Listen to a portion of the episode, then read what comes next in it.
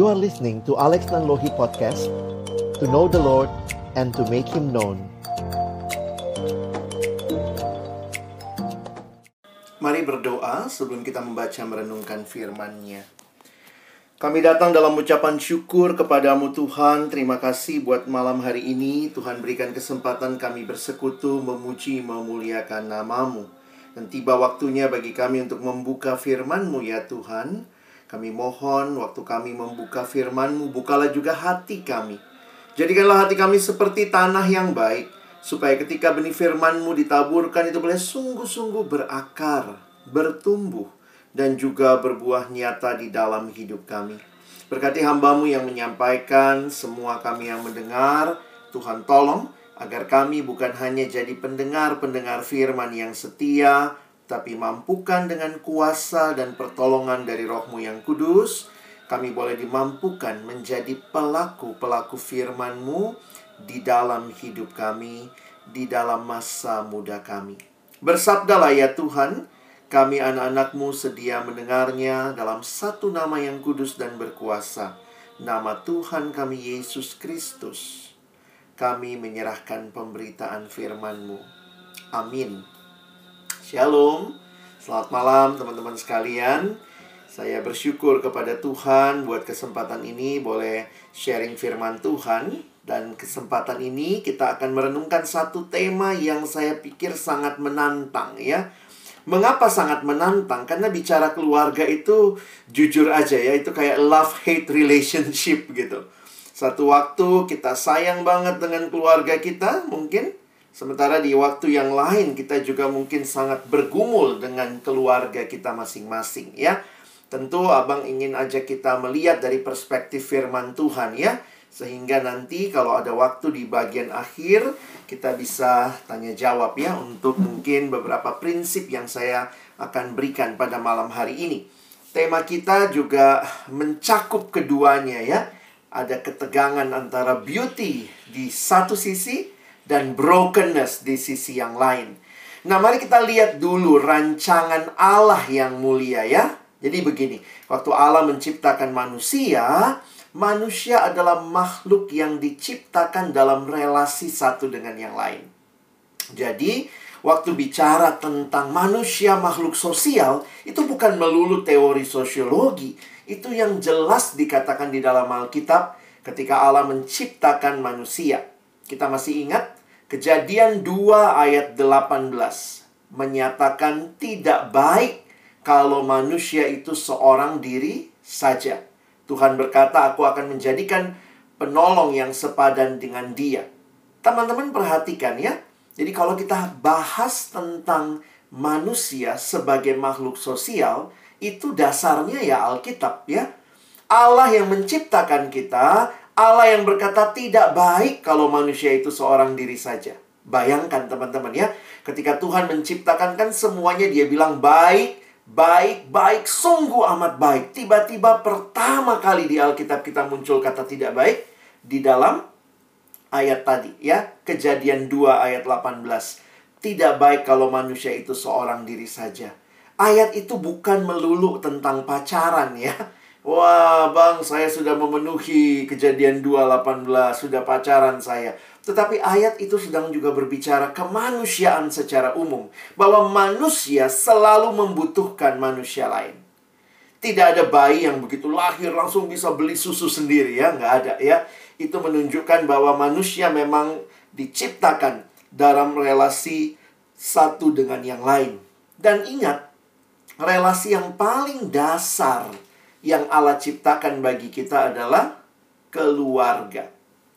Institusi pertama yang Allah dirikan, Allah sendiri yang berinisiatif. Tetapi juga realitanya apa?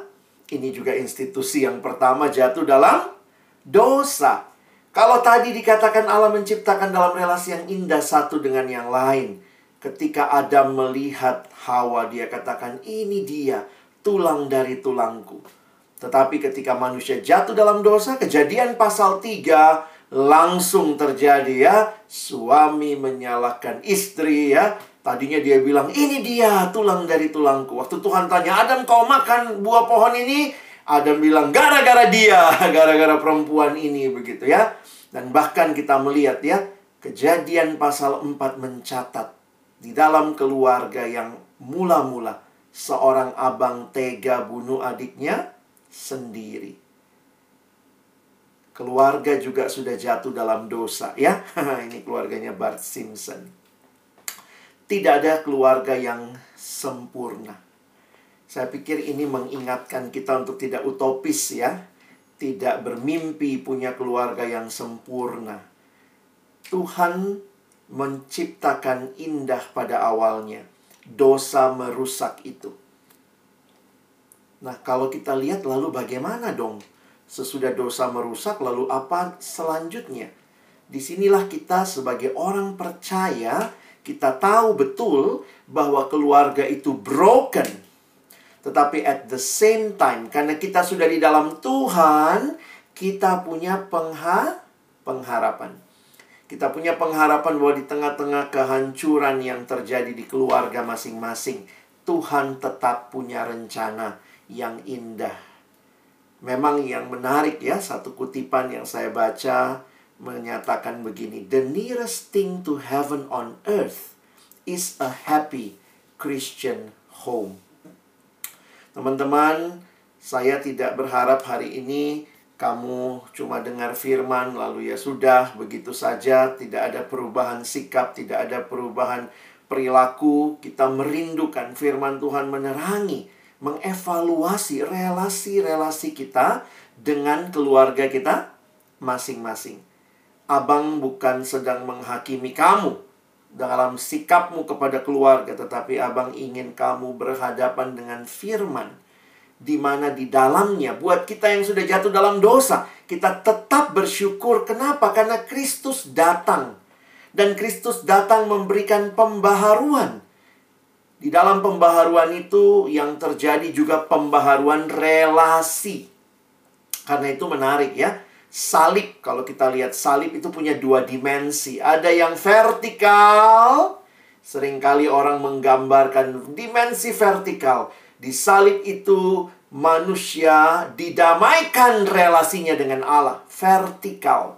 Tetapi bukan hanya itu, salib punya dimensi horizontal menunjukkan bahwa di dalam Kristus kita juga memiliki relasi yang dibaharui satu dengan yang lain. Karena itu menarik teman-teman ya. Kalau kita perhatikan surat Paulus kepada jemaat di Efesus, ketika Paulus berbicara tentang bagaimana Kristus sudah datang, Kristus memberikan keselamatan, Kristus mendamaikan manusia dengan Allah vertikal, tetapi Kristus juga mendamaikan manusia dengan manusia lainnya. Lalu kemudian Paulus menjelaskan bagaimana manusia baru Efesus pasal 4. Tetapi yang menarik kemudian dia kasih contoh. Di mana dimulai pembaharuan itu? Dimulai di dalam keluarga. Dan itu yang ditulis di Efesus 5 ayat 21 sampai Efesus 6 ayat 4. Kalau kalian mau baca sebenarnya sampai bawahnya juga ya. Karena keluarga pada masa itu, khususnya di kalangan orang-orang Kristen atau juga orang-orang yang ada pada masa itu, biasanya ada orang tua, ada anak, ada budak. Nah, itu yang Paulus ceritakan. Nanti kalian baca ya. Pasal 5 mulai dari ayat 21 sampai pasal 6 ayat 4. Perhatikan sebenarnya kunci dari ke kesatuan yang baru, relasi yang dibaharui adalah ayat 21. Ya, lihat ayatnya ya. Kalau ada Alkitab mau dicek silahkan. Efesus 5 ayat 21 dan rendahkanlah dirimu seorang kepada yang lain di dalam takut akan Kristus. Nah, ini yang Paulus harapkan terjadi pembaharuan di dalam keluarga. Nah, kadang-kadang kalau abang evaluasi ya, kenapa sih keluarga berantem? Kenapa sih keluarga nggak harmonis? Nah ini kuncinya. Karena tidak saling merendahkan diri satu dengan yang lain.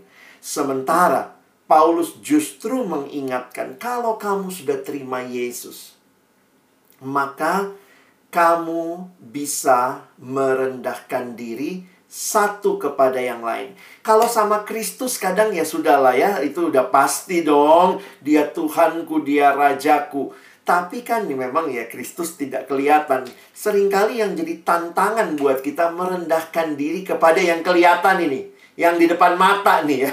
Keluarga kita. Dosen saya sebenarnya pernah bilang ya, dosen psikologi bilang begini. Orang yang mungkin menyakiti kita, itu justru orang yang dekat sama kita. Nah, lihat teorinya ya. Yang mungkin menyakiti kita justru yang dekat sama kita. Saya kasih contoh begini. Ada nggak teman-teman di sini yang minggu lalu disakiti oleh Joe Biden, Presiden Amerika? Ya ampun, mungkin kamu bilang abang tuh jauh banget. Gua aja kenal kagak sama Joe Biden ya. Yang nyakitin kita tuh siapa? Orang-orang yang dekat dengan kita keluarga kita, ayah ibu kita, mungkin mungkin kakak kita, adik kita, mungkin teman kita, mungkin orang-orang yang di sekitar kita. Jadi justru yang menarik adalah yang menjadi masalah sering kali bukan orang yang jauh, teman-teman. Tapi orang yang dekat. Dan salah satu bukti kedekatan adalah ketika kita ada gesekan. Jadi begini ya, misalnya kalau seseorang bertindak lalu kita kesel, itu kan sebenarnya satu sisi kita berharap sesuatu dari dia. Kenapa kita berharap? Mungkin karena kita dekat sama dia. Harusnya dia kan papa saya, harusnya dia ngerti dong. Itu kan harapan kita. Tapi ternyata tidak demikian, tidak selamanya demikian. Itulah memang kerusakan di dalam dosa, tetapi ingat, teman-teman, malam hari ini saya mau membagikan pengharapan bahwa di dalam Kristus selalu ada pengharapan. Manusia yang begitu egois dengan dirinya, tetapi di dalam Kristus kita bisa merendahkan diri satu kepada yang lain. Wah, ini memang PR besar ya. Merendahkan dirimu seorang kepada yang lain. Ini pasal 5 ayat 21. Lalu langsung Paulus masuk. Teman-teman perhatikan, nanti baca ayat lengkapnya. Abang cuplik saja di sini ya pasal 5 ayat 22 sampai 33 Paulus masuk lebih dulu ke relasi suami dan istri. Ya. Jadi bagaimana tunduknya ayo kita bagaimana saling merendahkan diri inilah yang Paulus harapkan. Ya. Coba lihat. Ada bagian istri, ada bagian suami. Hai istri, tunduklah kepada suamimu seperti kepada Tuhan. Hai suami, kasihilah istrimu sebagaimana Kristus telah mengasihi jemaat dan telah menyerahkan dirinya baginya. Bagaimanapun juga bagi kamu masing-masing, ini suami dan istri, berlaku. Kasihilah istrimu seperti dirimu sendiri, dan istri hendaklah menghormati suaminya. Jadi kata tunduk, kata hormat itu mirip pengertiannya. Itulah bagian istri, bagian suami mengasihi. Jadi kalau kalian perhatikan ayat ini, coba lihat papa mamamu. Kenapa berantem? Mungkin ini ya. Tidak tunduk. Yang perempuannya tidak tunduk. Malah, hai istri, tanduklah suamimu. Wah, jadi masalah. Beberapa perempuan baca ayat ini langsung kesel, feminis ya. Kenapa istri harus tunduk sama suami? Bagaimana bang kalau suaminya nggak beres?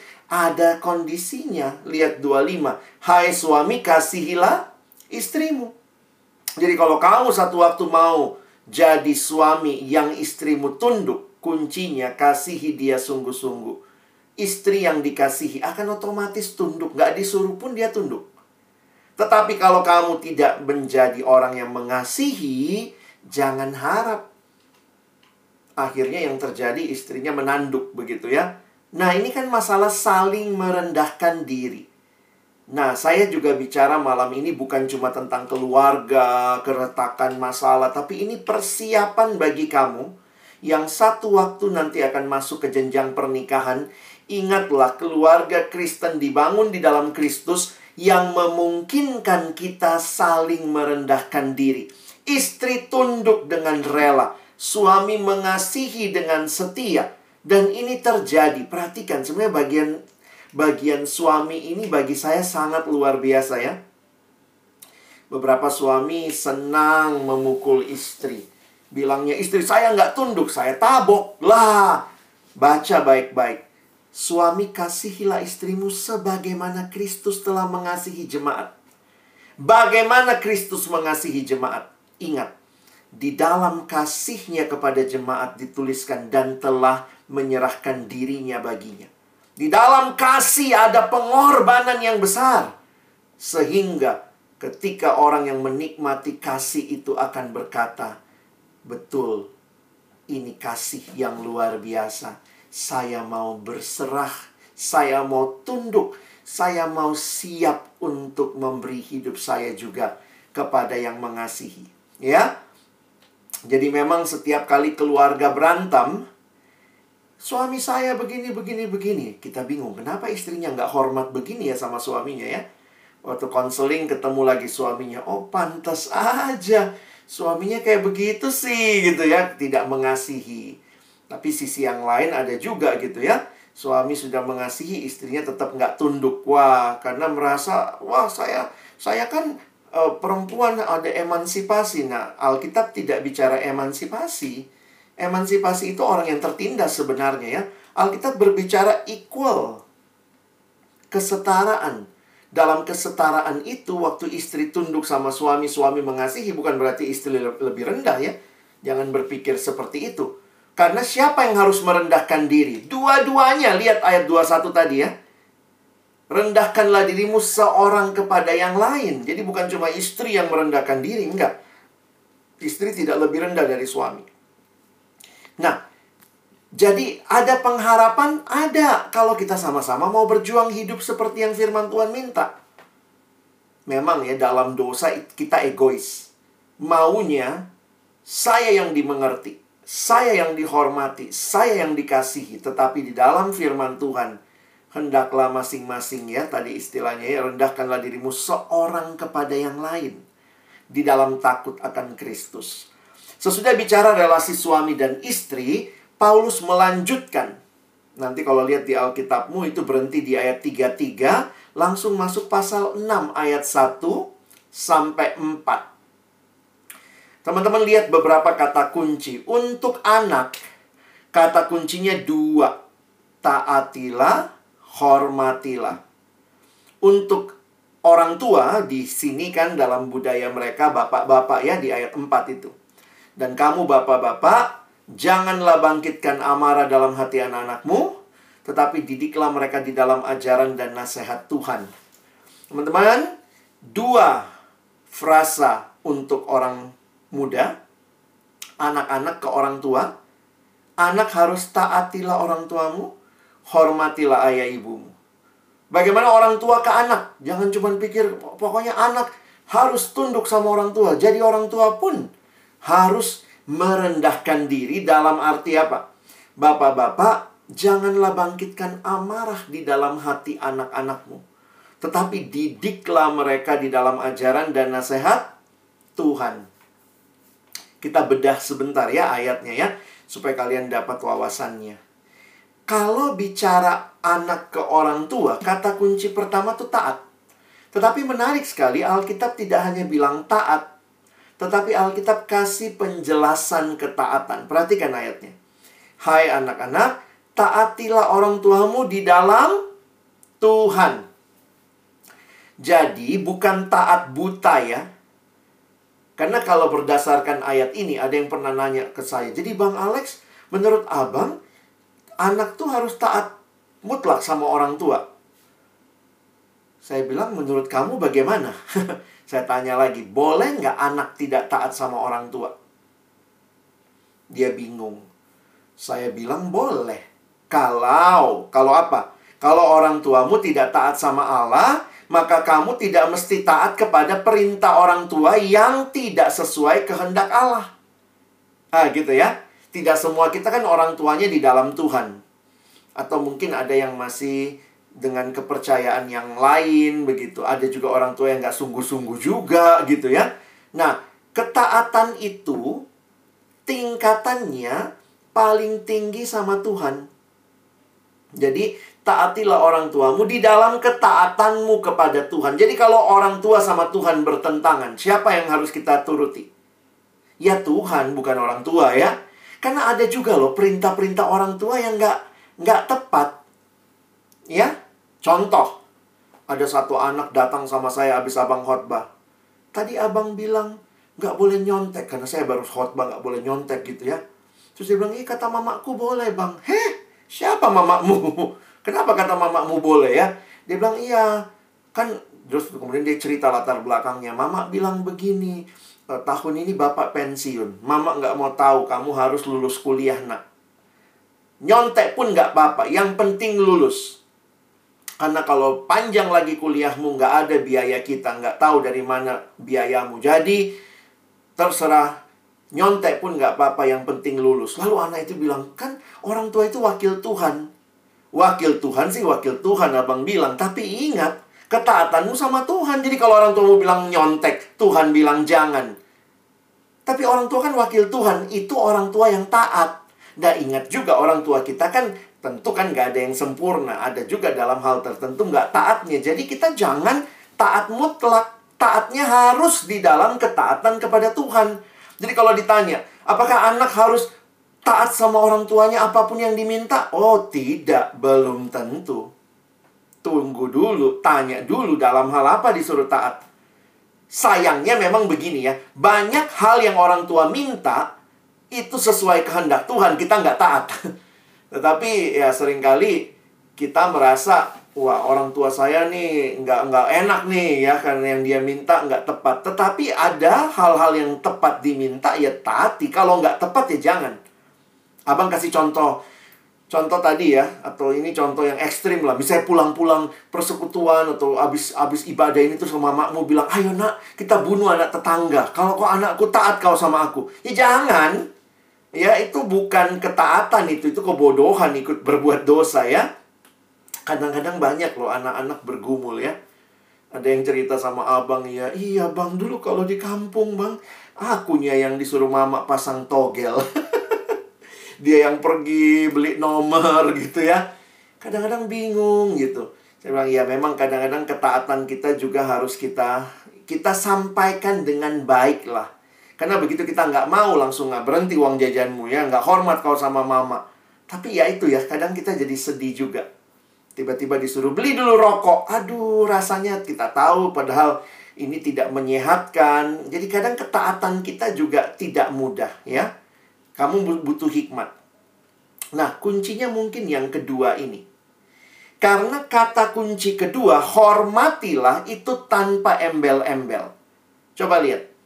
Kalau taatilah orang tuamu di dalam Tuhan. Tetapi waktu bicara hormatilah, itu kayaknya tanpa embel-embel. Jadi abang punya kesimpulan begini mau bapakmu bapak yang baik, bapak yang nggak baik, mamamu mama yang baik, mama yang nggak baik, mungkin bapak yang nggak bertanggung jawab, bapak yang ninggalin kalian. Alkitab tidak memberikan pilihan lain selain hormatilah.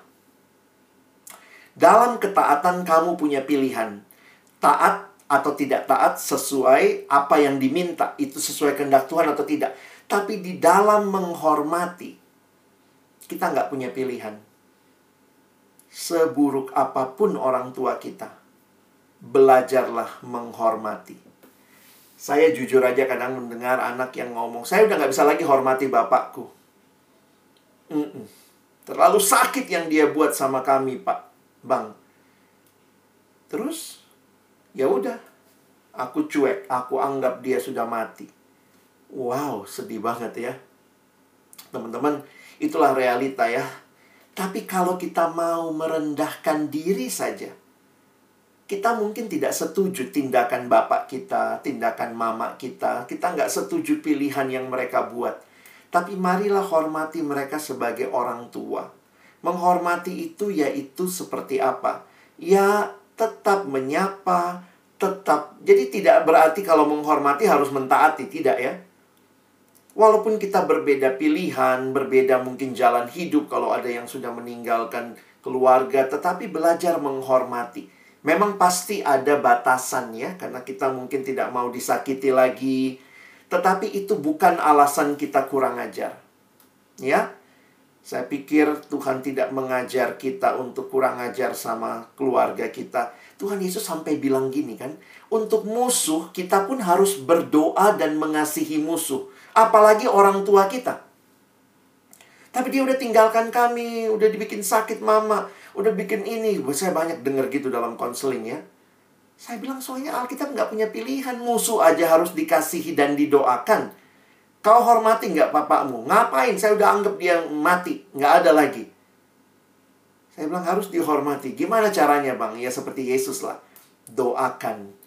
Kasihilah musuhmu dan berdoalah untuk mereka yang menganiaya kamu. Sakit banget hatimu sama orang tuamu mungkin. Apa wujud menghormati? Minimal doakanlah.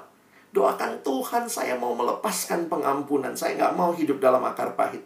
Sakit banget yang mereka buat. Tapi saya belajar menghormati. Saya mendoakan mereka supaya ada perubahan selama mereka masih hidup. Masih ada harapan. Kalau dia di dalam Kristus, dia bisa berubah. Teman-teman jangan give up sama keluarga.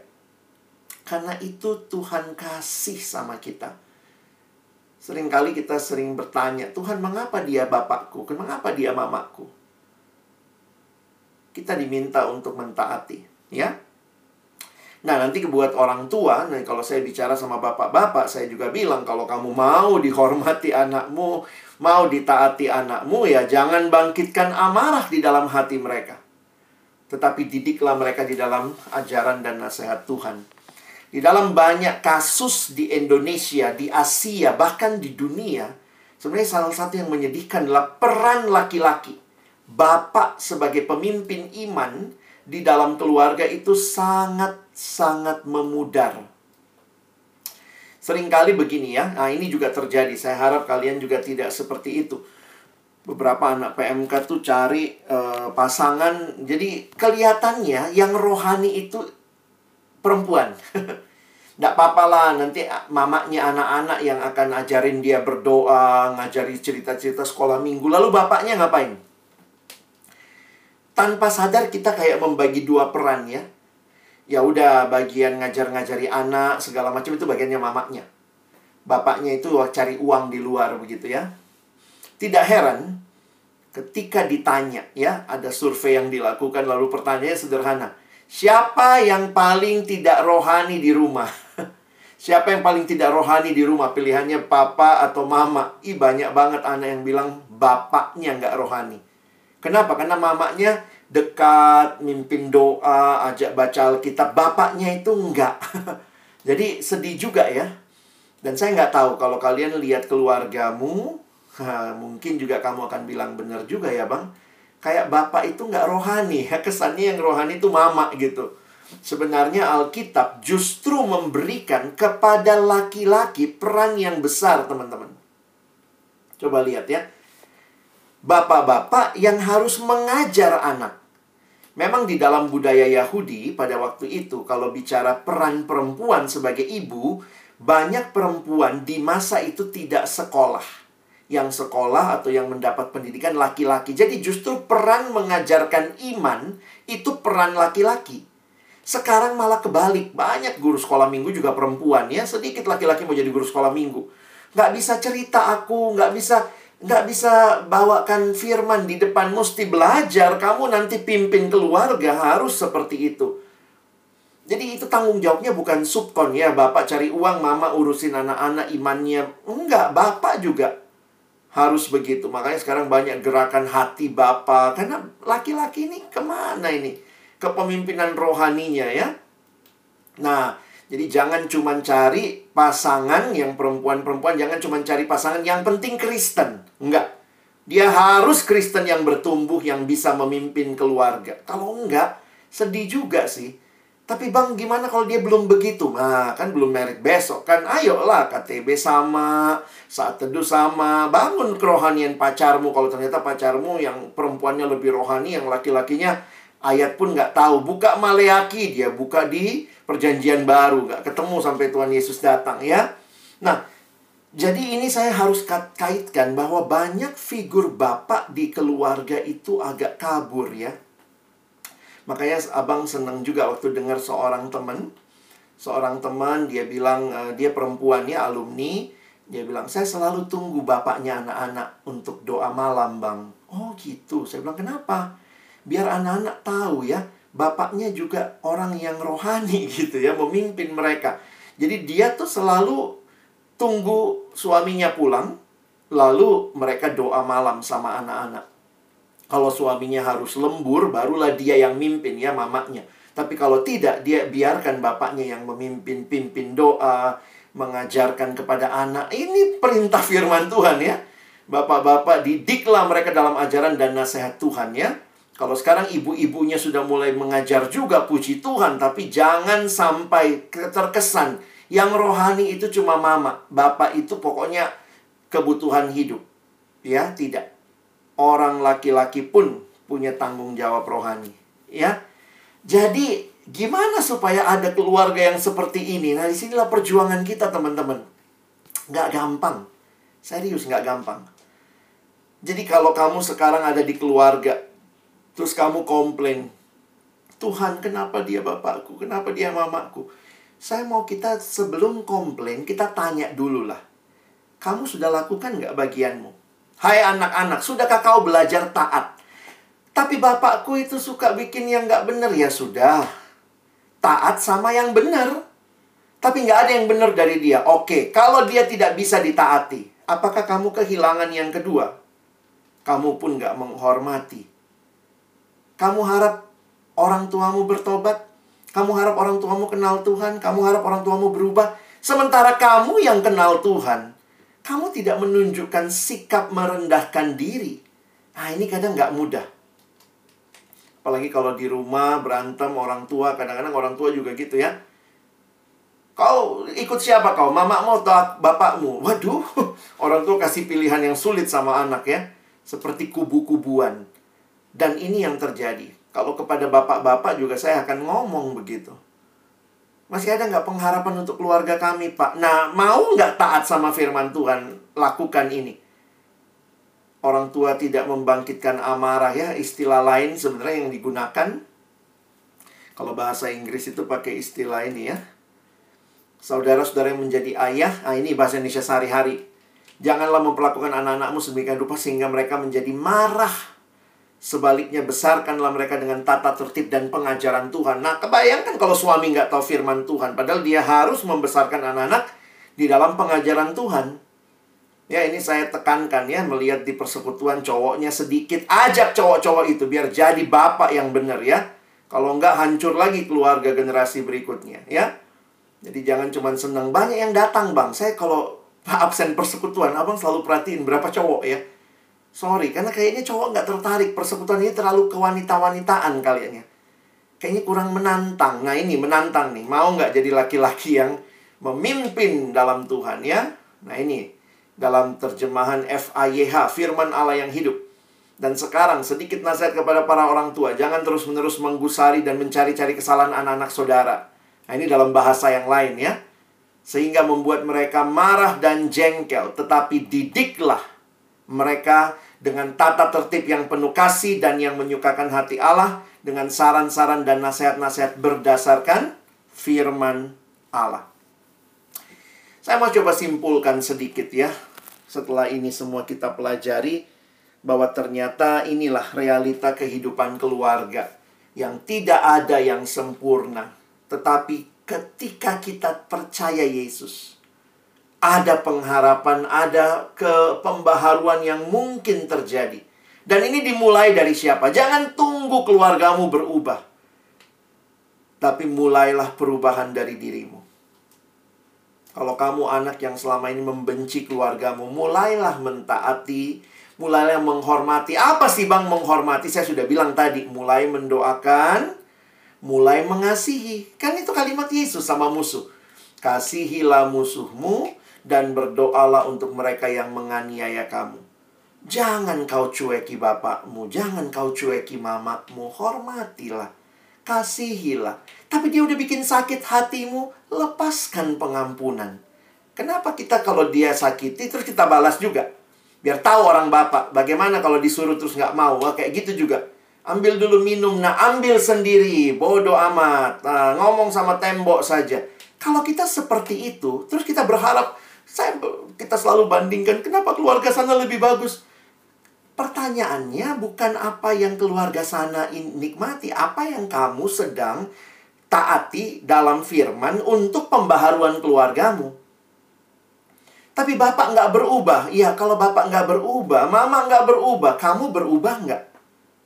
Jangan harap yang lain dulu yang berubah. Kita dulu yang berubah.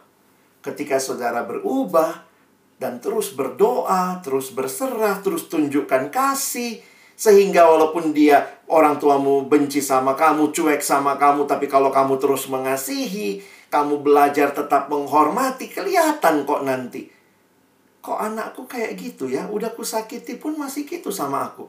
Di situ kemudian muncul kan pertanyaan apa yang membuat dia berbeda. Jadi kalau kita menyerah sama keluarga kita, terus kita berharap siapa? Orang lain, anak orang lain yang memperlakukan keluarga kita dengan baik. Saya pikir jangan seperti itu. Nah, ini pada saat yang sama nanti kalau orang tuamu kenal Tuhan, sudah makin sungguh-sungguh dia mulai ngerti tuh jangan bikin anak marah jengkel mendidik dalam firman tapi kalau dia belum firman Tuhan bapakku nggak rohani mamaku nggak rohani kamu kan sudah kenal Yesus kamu yang menjadi pembaharu di keluargamu jadi pertanyaan kita harus diubah Jangan selalu bertanya, kenapa ini keluargaku? Kenapa ini Tuhan kasih keluargaku? Tetapi tanyanya begini, Tuhan, kok ini ya keluargaku ya? apa yang Tuhan mau ya? Kenapa aku ditempatkan di keluarga yang gak sempurna seperti ini? Pertanyaan kita bukan pertanyaan kasih, teman-teman. Karena selalu pertanyaannya, apa yang saya dapat? Kenapa keluargaku tidak kasih ini, tidak kasih ini, tidak kasih ini? Selalu pertanyaannya, apa yang saya tidak dapat dari keluargaku? Kita sering kali lupa. Pertanyaan kasih. Sebenarnya pertanyaan, ya ada yang bilang bahasa Indonesia tuh paling gampang teman-teman menjelaskan kasih apa itu kasih? Kasih, ya kasih, ya. Kasih itu bukan ngambil. Love is giving. Maka pertanyaan kasih, tanyakan begini.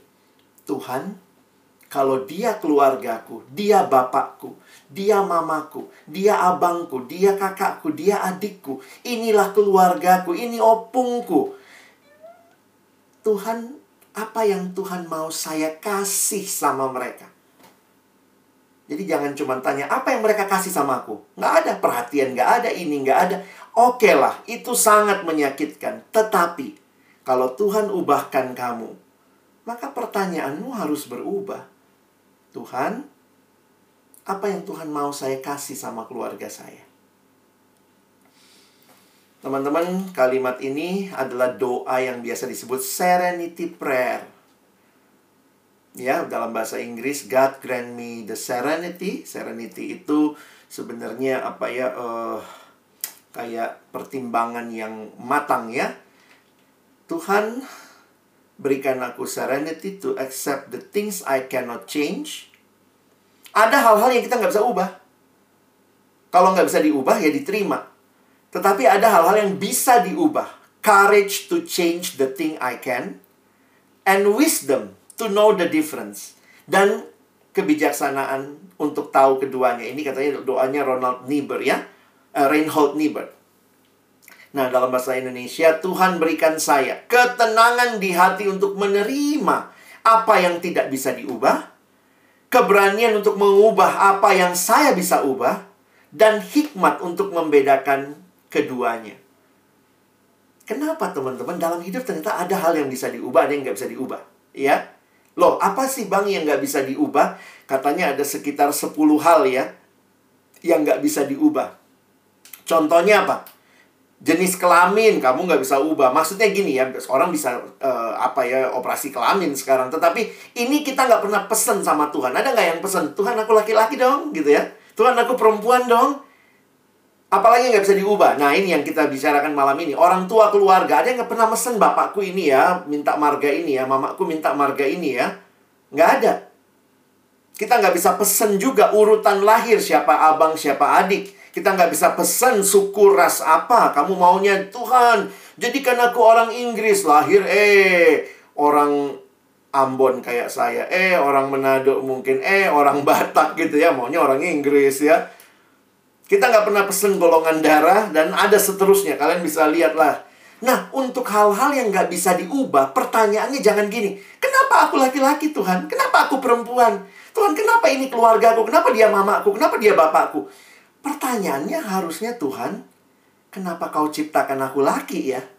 Pasti kan Tuhan nggak kurang, Tuhan iseng, ah udahlah. Pasti ada rencanamu. Jadi cara bertanyanya berubah. Sementara hal yang bisa diubah apa? Kebiasaan buruk, sifat yang buruk, karakter yang buruk, dan seterusnya. Kadang-kadang kita suka kebalik dalam hidup. Yang tidak bisa diubah, kita mau ubah. Aku nggak mau dia bapakku, aku nggak mau dia mamaku. Terus kamu maunya siapa bapak mamamu? Yang nggak bisa diubah.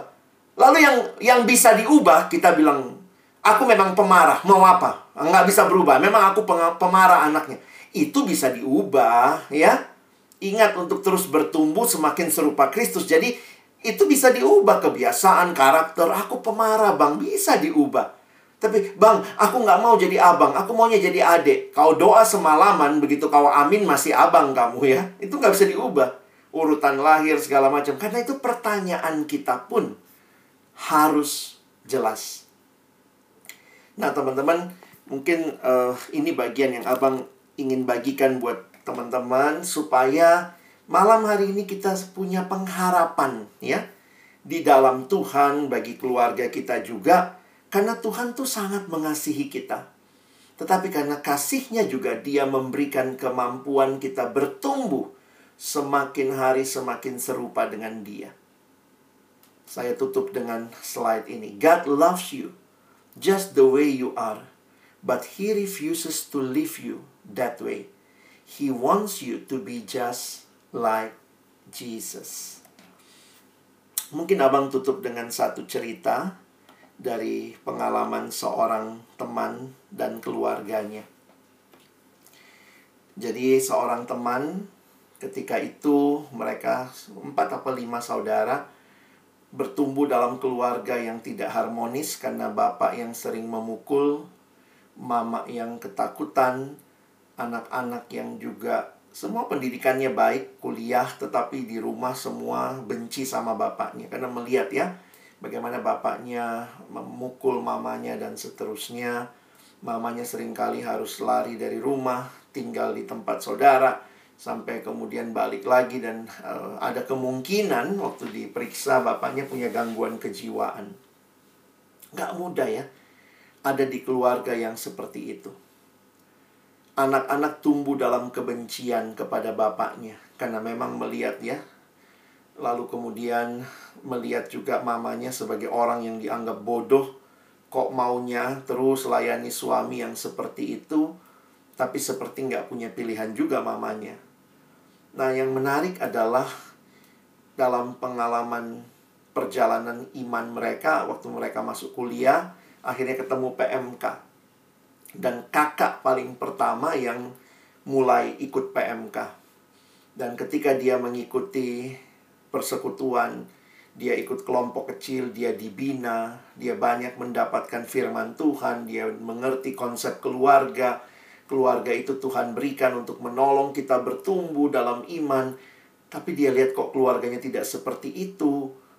Akhirnya dia kemudian banyak bergumul dan akhirnya sadar ya, seperti yang malam ini kita bahas bahwa ya ada pengharapan dalam Kristus.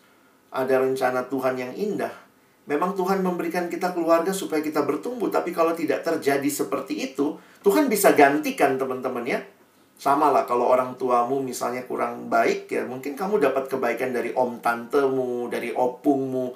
Saya kadang berpikir ketika keluarga tidak harmonis, Tuhan bisa juga menggantikan itu dengan keluarga rohani misalnya, dapat pemimpin kelompok kecil yang perhatian, kakak rohani yang mendoakan, yang yang mungkin kamu nggak dapat di keluargamu ya. Jadi jangan selalu meratapi nah, nasib kenapa aku begini ya. Tuhan kita kreatif untuk memberikan hal-hal yang baik menggantikan yang kamu nggak dapatkan.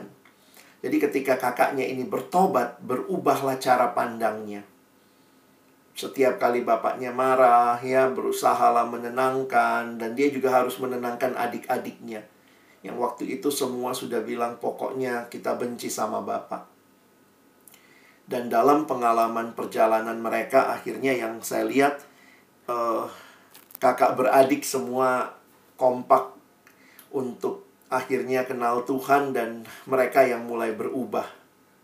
Bapaknya sih masih tetap begitu. Tapi anak-anak ini punya sikap yang sekarang berubah. Karena kasih Yesus mengubah mereka. Nah, saya kenal sama adik laki-lakinya yang nomor tiga kalau nggak salah ya. Nah, dia yang cerita. Jadi waktu itu saya nanya, waktu dia ceritakan ini pergumulan keluarga aku, Bang. Terus saya bilang, terus gimana?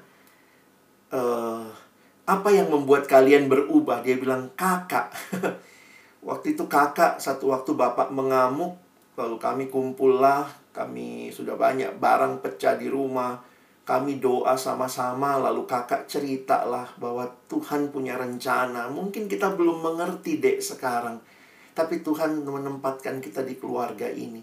Mari kita pikirkan bagaimana kita mengasihi bapak, mengasihi mama gitu ya. Mamanya waktu itu lagi lari ke rumah saudara dan dia bilang yang mengharukan saya gini bang ya Waktu kakak selesai kami berdoa Kakak sharing Lalu dan kakaknya ini karena sudah jadi pengurus di persekutuan ya Kakaknya kemudian bilang gini Aku minta uh, Kakaknya bilang uh, Kalau Tuhan Kalaupun Tuhan kasih aku kesempatan sekali lagi lahir di dunia ini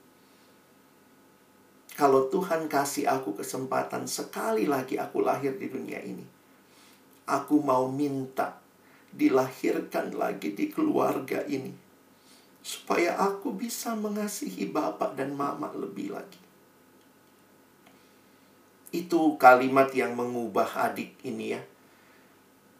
Orang ketika punya keluarga yang seperti itu malah mintanya Tuhan, jangan sampailah aku lahir di keluarga ini, aku pun gak mau mereka. Tapi kasih Kristus bahkan membuat kakaknya berkata, kalau Tuhan, saya boleh lahir lagi. Saya minta lahir di keluarga yang sama ini. Kasih Kristus bukan teori, tetapi pengalaman iman yang akan menolong engkau melihat keluargamu dengan kacamata yang baru. Mengasihi mereka, mendoakan, dan di dalamnya engkau menjadi saksi apa artinya orang yang diubahkan oleh Tuhan. Tuhan sanggup mengubahkan keluargamu, tapi Tuhan mungkin sedang mulai dengan pertama-tama mengubahkan kamu terlebih dahulu. Kiranya Tuhan menolong kita bukan cuma jadi pendengar firman tapi jadi pelaku firman. Mari berdoa. Bapak Surgawi, terima kasih buat firman-Mu malam hari ini. Apa yang kami dengar, apa yang juga mungkin jadi pergumulan kami, tidak mudah. Tetapi satu hal yang pasti bahwa kehadiran Tuhan sanggup mengubahkan, memberikan kekuatan penghiburan, bahkan ketika suasana dan situasi belum berubah, tetapi kami telah terlebih dahulu diubahkan Tuhan, supaya kami pun dipakai Tuhan bagi keluarga kami masing-masing.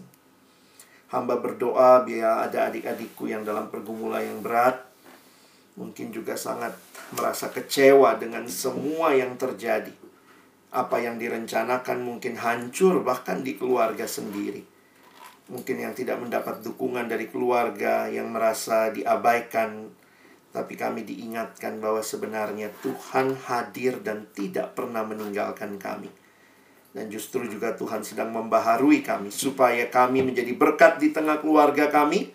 Dan jika satu waktu kami berkeluarga, kami tidak mengulangi kesalahan yang sama.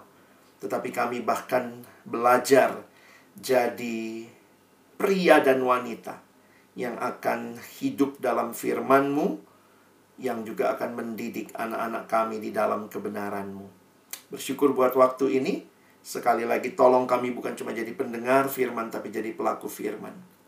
Inilah keindahan, beauty in brokenness, karena ada Kristus di dalamnya. Kami bersyukur dalam nama Yesus. Amin.